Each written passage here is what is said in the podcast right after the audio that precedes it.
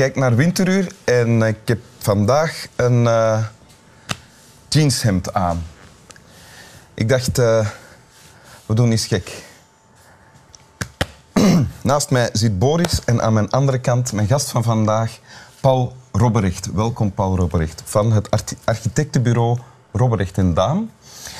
Uh, mensen kunnen u of uw gebouwen, of de gebouwen van het architectenbureau kennen uh, als ze al eens in het concertgebouw zijn geweest in Brugge. Of als ze ja. al eens door Gent zijn gepasseerd de laatste jaren. Want de stadshallen daar die zijn van ja. uw hand. En binnenkort uh, het VRT-gebouw. Het nieuwe VRT-gebouw zal ook door uw bedrijf, het bedrijf dat ondertussen door uw zoon geleid wordt, die uw baas is nu. Klopt dat? Die is mijn baas, ja. Die zegt s ochtends, pa, vandaag doe je dit, ja. dat. Ja. En voor hetzelfde geld kan dat koffie zitten zijn. Ja, dat kan. Breng eens. Uh, ja, ja. ja dit, dit, uh, dus, het is een heel groot project, uiteraard. Dat doen we ook in, in, in samenwerking. Dat zijn grote teams. Ja. Uh, ja. Hier in Don Blanco onder andere. Maar laten we zeggen ja, dat, het, dat het nu onze de grote kluif is waar we aan werken. En ook belangwekkend, zolang uh, Boris hier nog ligt, want hij heeft de neiging om te vertrekken ja. midden in gesprekken tegenwoordig. Ja. Belangwekkend voor de winteruurkijkers, u hebt ook een Golden Retriever. Ja, een zondags Golden Retriever. Ja. Die komt uh, ja, op zondag uh, op, op op bezoek. U bent eigenlijk het soort hondenbezitter dat wel de lusten wil van de hond, maar niet de lasten. En de, ja. en de lasten laat ik, laat ik aan mijn zoon Sebastiaan ja, over. Voilà. Heel erg fijn. Dat is nog een andere zoon, die is aan de baas van de hond. Ja, ja. Heel erg fijn uh, gezelschap. Echt waar. Dus Het is bijzonder, echt waar. Ik ben er enorm aan gehecht. Maar hij is erg oud. Ja. Hoe oud is 14, ah, ja. ik. Boris is en hij hoort niets meer. Hij hoort ah, oké. ja. Okay. Bacchus heet hij? Bacchus, Bacchus ja. ja. Bacchus en Boris zouden vrienden kunnen worden. Zou kunnen, ja. En u hebt als tekst bij een fragment uit een brief die een vriend van u aan u heeft geschreven. Juan Muñoz, ja? Spaanse kunstenaar, beeldhouwer, maar die ook ja, nu en dan schrijft. Gestorven, hè? Ja, hij is gestorven in 2001, 15 jaar geleden. Um, ja, een vriend die er gekomen is door uh, die fameuze tentoonstelling Chambre d'Amis in Gent. Van Jan Hoed, waarbij Jan Hoed. kunstenaars in, huizen van particuliere mensen... huizen. En toen hebben we, hij was niet in ons huis, maar uh, we hebben ontmoet. Het is een soort ja, instant vriendschap geworden. Ja. De uh, belangrijkste, bekendste Spaanse kunstenaar van na de oorlog? Kan je wel zeggen. Ik denk, het, uh, denk ja, um, enfin, zeker de generatie na 80 zou ik zo zeggen. Uh, en nog altijd. Hè. Ik bedoel, is nog altijd heel present met zijn werk. Laatst nog een groot overzicht tentoonstellingen. Want we, willen allemaal, we zijn benieuwd naar die tekst, naar wat ja. hij heeft geschreven in die brief aan u. Wel, hij was op bezoek, zag een maquette staan. Een maquette van een paviljoen waar, die, in een tuin moest gebouwd worden. Was een, iemand had ons gevraagd, wil jij in mijn tuin een ontwerp maken voor, voor een paviljoen? Je zou kunnen zeggen een soort theepaviljoen. Ja, in een heel grote tuin. Een lustpaviljoen ja? misschien zelfs. Een lustpaviljoen? Ja, misschien. Ah, nou, um, en um, hij zei meteen, ik zou daar een tekst willen over schrijven. Kom er maar mee af. Hè. Ja? En uh, veertien dagen later komt er een brief toe. De tekst was onder de vorm van een brief geschreven. Aan u gericht? Aan ons gericht. Maar uh, in die brief neemt hij de positie van de vrager, van degene die de opdracht geeft, bouw voor mij een paviljoen in mijn tuin. Ja. Hij neemt die positie aan. Oké, okay. laten we eens luisteren naar het fragment uit die brief dat u bij hebt. Beste vriend, het interesseert me geenszins of dat gebouw al dan niet modern, nieuw of oud is in vergelijking met andere gebouwen. Het laat me koud of de vormen ervan vroeger reeds bestonden of nooit eerder op zo'n manier samen zijn gebracht. Wat me het essentieelste lijkt, is dat het huis op dezelfde manier als mijn woede noodzakelijk is. Ik wil niet uh, mijn huis verlaten en in de tuin bij het paviljoen aankomen om ginds te vinden wat ik hier niet heb. Ik wil niet als een oude man heen en weer geslingerd worden tussen verlangen en onmogelijkheid. Nee, ik wil niet dat, verbeeld, dat, u, ik wil niet dat u mijn verbeelding opsmukt. Ik wil geen hu huis als een idiote schuilhoek om in, in, onder te duiken. Ik wil s'nachts deze tuin doorkruisen en al wandelen tussen de bomen uw gebouw naderen, de lampen aansteken en daar mezelf ontmoeten. Ja, Ja. ja, ehm, ja het gaat is- hier over ja. eerst en vooral de positie van iemand die iets vraagt aan, iets an- aan iemand anders. En hij begint met te zeggen, ehm, hè, het interesseert mij niet of het gebouw modern is, nieuw of oud in vergelijking met andere gebouwen. Laat mij koud of de vormen ervan vroeger al eh, bestonden of niet. Ja, Dus met andere woorden, het maakt mij niet uit hoe origineel het is Ja. in het licht van de geschiedenis van de architectuur. Daar ben ik niet mee bezig. Dus hij architect laat dat ook los. ja, laat dat los.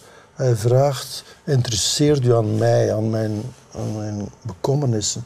En er is ook een soort angst. eh, Ja? dat, eh, dat je, dat, dat- dat- wat gebouwen natuurlijk zijn, het zijn ontzettend sterk omringende aanwezigheden. Dat ik, dat hij, dat hij daar zo ja, helemaal door zou kunnen. Ja, Overgenomen worden, Ja, of het zou kunnen voelen als, als ja, iets is eigenlijk. vreemd, ja. En, eh, ik- En dat- gaandeweg bij ons hebben wij ook eh, leren inzien dat, dat het hem echt in gebouwen om mensen gaat. En dat het... Onder andere door deze brief. Ja, Ja. die die heeft iets, iets bij me wakker gemaakt. U- Dat, eh, U zei net, ik wil u nog eens... Gaandeweg zijn we gaan beseffen dat het ook bij gebouwen om mensen gaat. ja, Dus aanvankelijk was dat idee niet zo heel aanwezig. je zou je ze durven vergeten. Ja. Je, bent, je bent met stedenbouw, je, je- met, met blokjes Mhm. Of met eh, Vormen, vormen, holtes maken. ja. met uw plaats in de architectuur, andere arch- architecten, met kunstmakers. positie, hè? ja, enzovoort, enzovoort.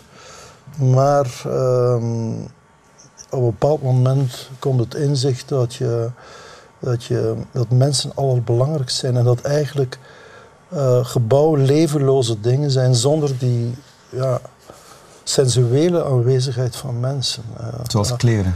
hè? Ja, zoals kleren leeg aan een kapstok hangen. Eh, Dat kan je geen beter beeld aan. Het, wordt pas iets... Als er een mens in die in kleren de mensen, ja. die kleren. Het is een beetje, wat- een beetje ruimer eigenlijk, eh, architectuur. Maar, maar het gaat eigenlijk wezenlijk ook om dat, dat, dat inzicht, mede door die brief, is er wel gekomen. Ja. Want voordien was u te veel...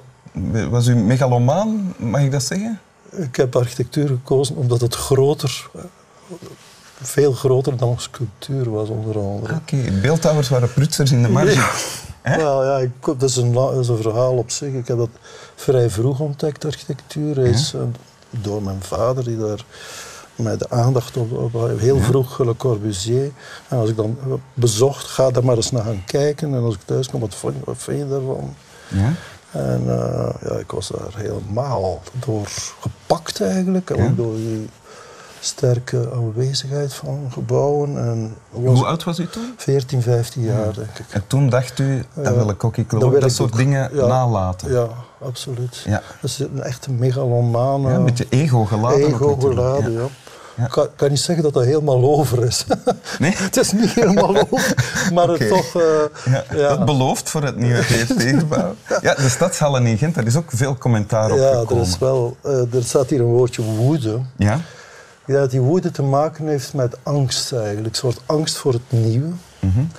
Nu, eh, dat is ons herhaaldelijk bij, is dat gebeurd met gebouwen dat wij plots ja, publiekelijk ja, Aan de schandpaal tegenstand aan de schandpaal. Ja. In Gent was het aan de schandpaal. Ja. Op de, Raakt u dat dan? eh, ik, eh, ik had het wel, of aangezien ik eh, toen al een tijdje bezig was, ik, ik wist het, dat het zou komen. Vooral, het is een erg gevoelige plek. Het is echt in het historische hart Ja. van de stad.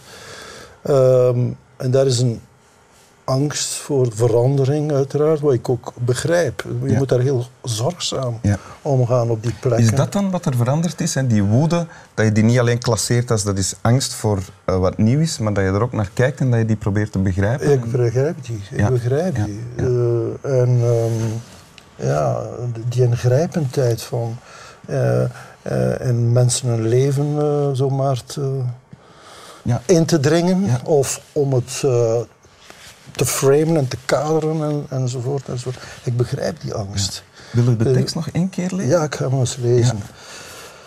Beste vriend, het interesseert me geen sinds of dat gebouw al dan niet modern, nieuw of oud is, in vergelijking met andere gebouwen. Het laat me koud of de vormen ervan vroeger reeds bestonden of nooit eerder op zo'n manier samen zijn gebracht. Wat me het ess- essentieelste lijkt, is dat het huis op dezelfde manier als mijn woede noodzakelijk is. Ik wil niet mijn huis verlaten en in de tuin bij het paviljoen aankomen om ginds te vinden wat ik hier niet heb. Ik wil niet als een oude man heen en weer eh, geslingerd worden tussen verlangen en onmogelijkheid. Nee, ik wil niet dat u mijn verbeelding opsmukt. Ik wil geen huis als een idiote schuilhoek om in onder te duiken. Ik wil s'nachts deze tuin doorkruisen en wandelen tussen de bomen, uw gebouw naderen, de lampen aansteken en daar mezelf ontmoeten. Dank u. Mooi, dwingend geformuleerd. Ja, ook. zeer dwingend. Ja. Eh, Het kwam toen ook zo over. Als een soort... Ja, nu, maar toen ook. Ah, Zo'n ja. soort Ja. vinger. Dus dat is misschien uw boodschap aan alle jonge architecten. Ja. En verder is onze boodschap aan de algehele mensheid. ja. Slaap wel.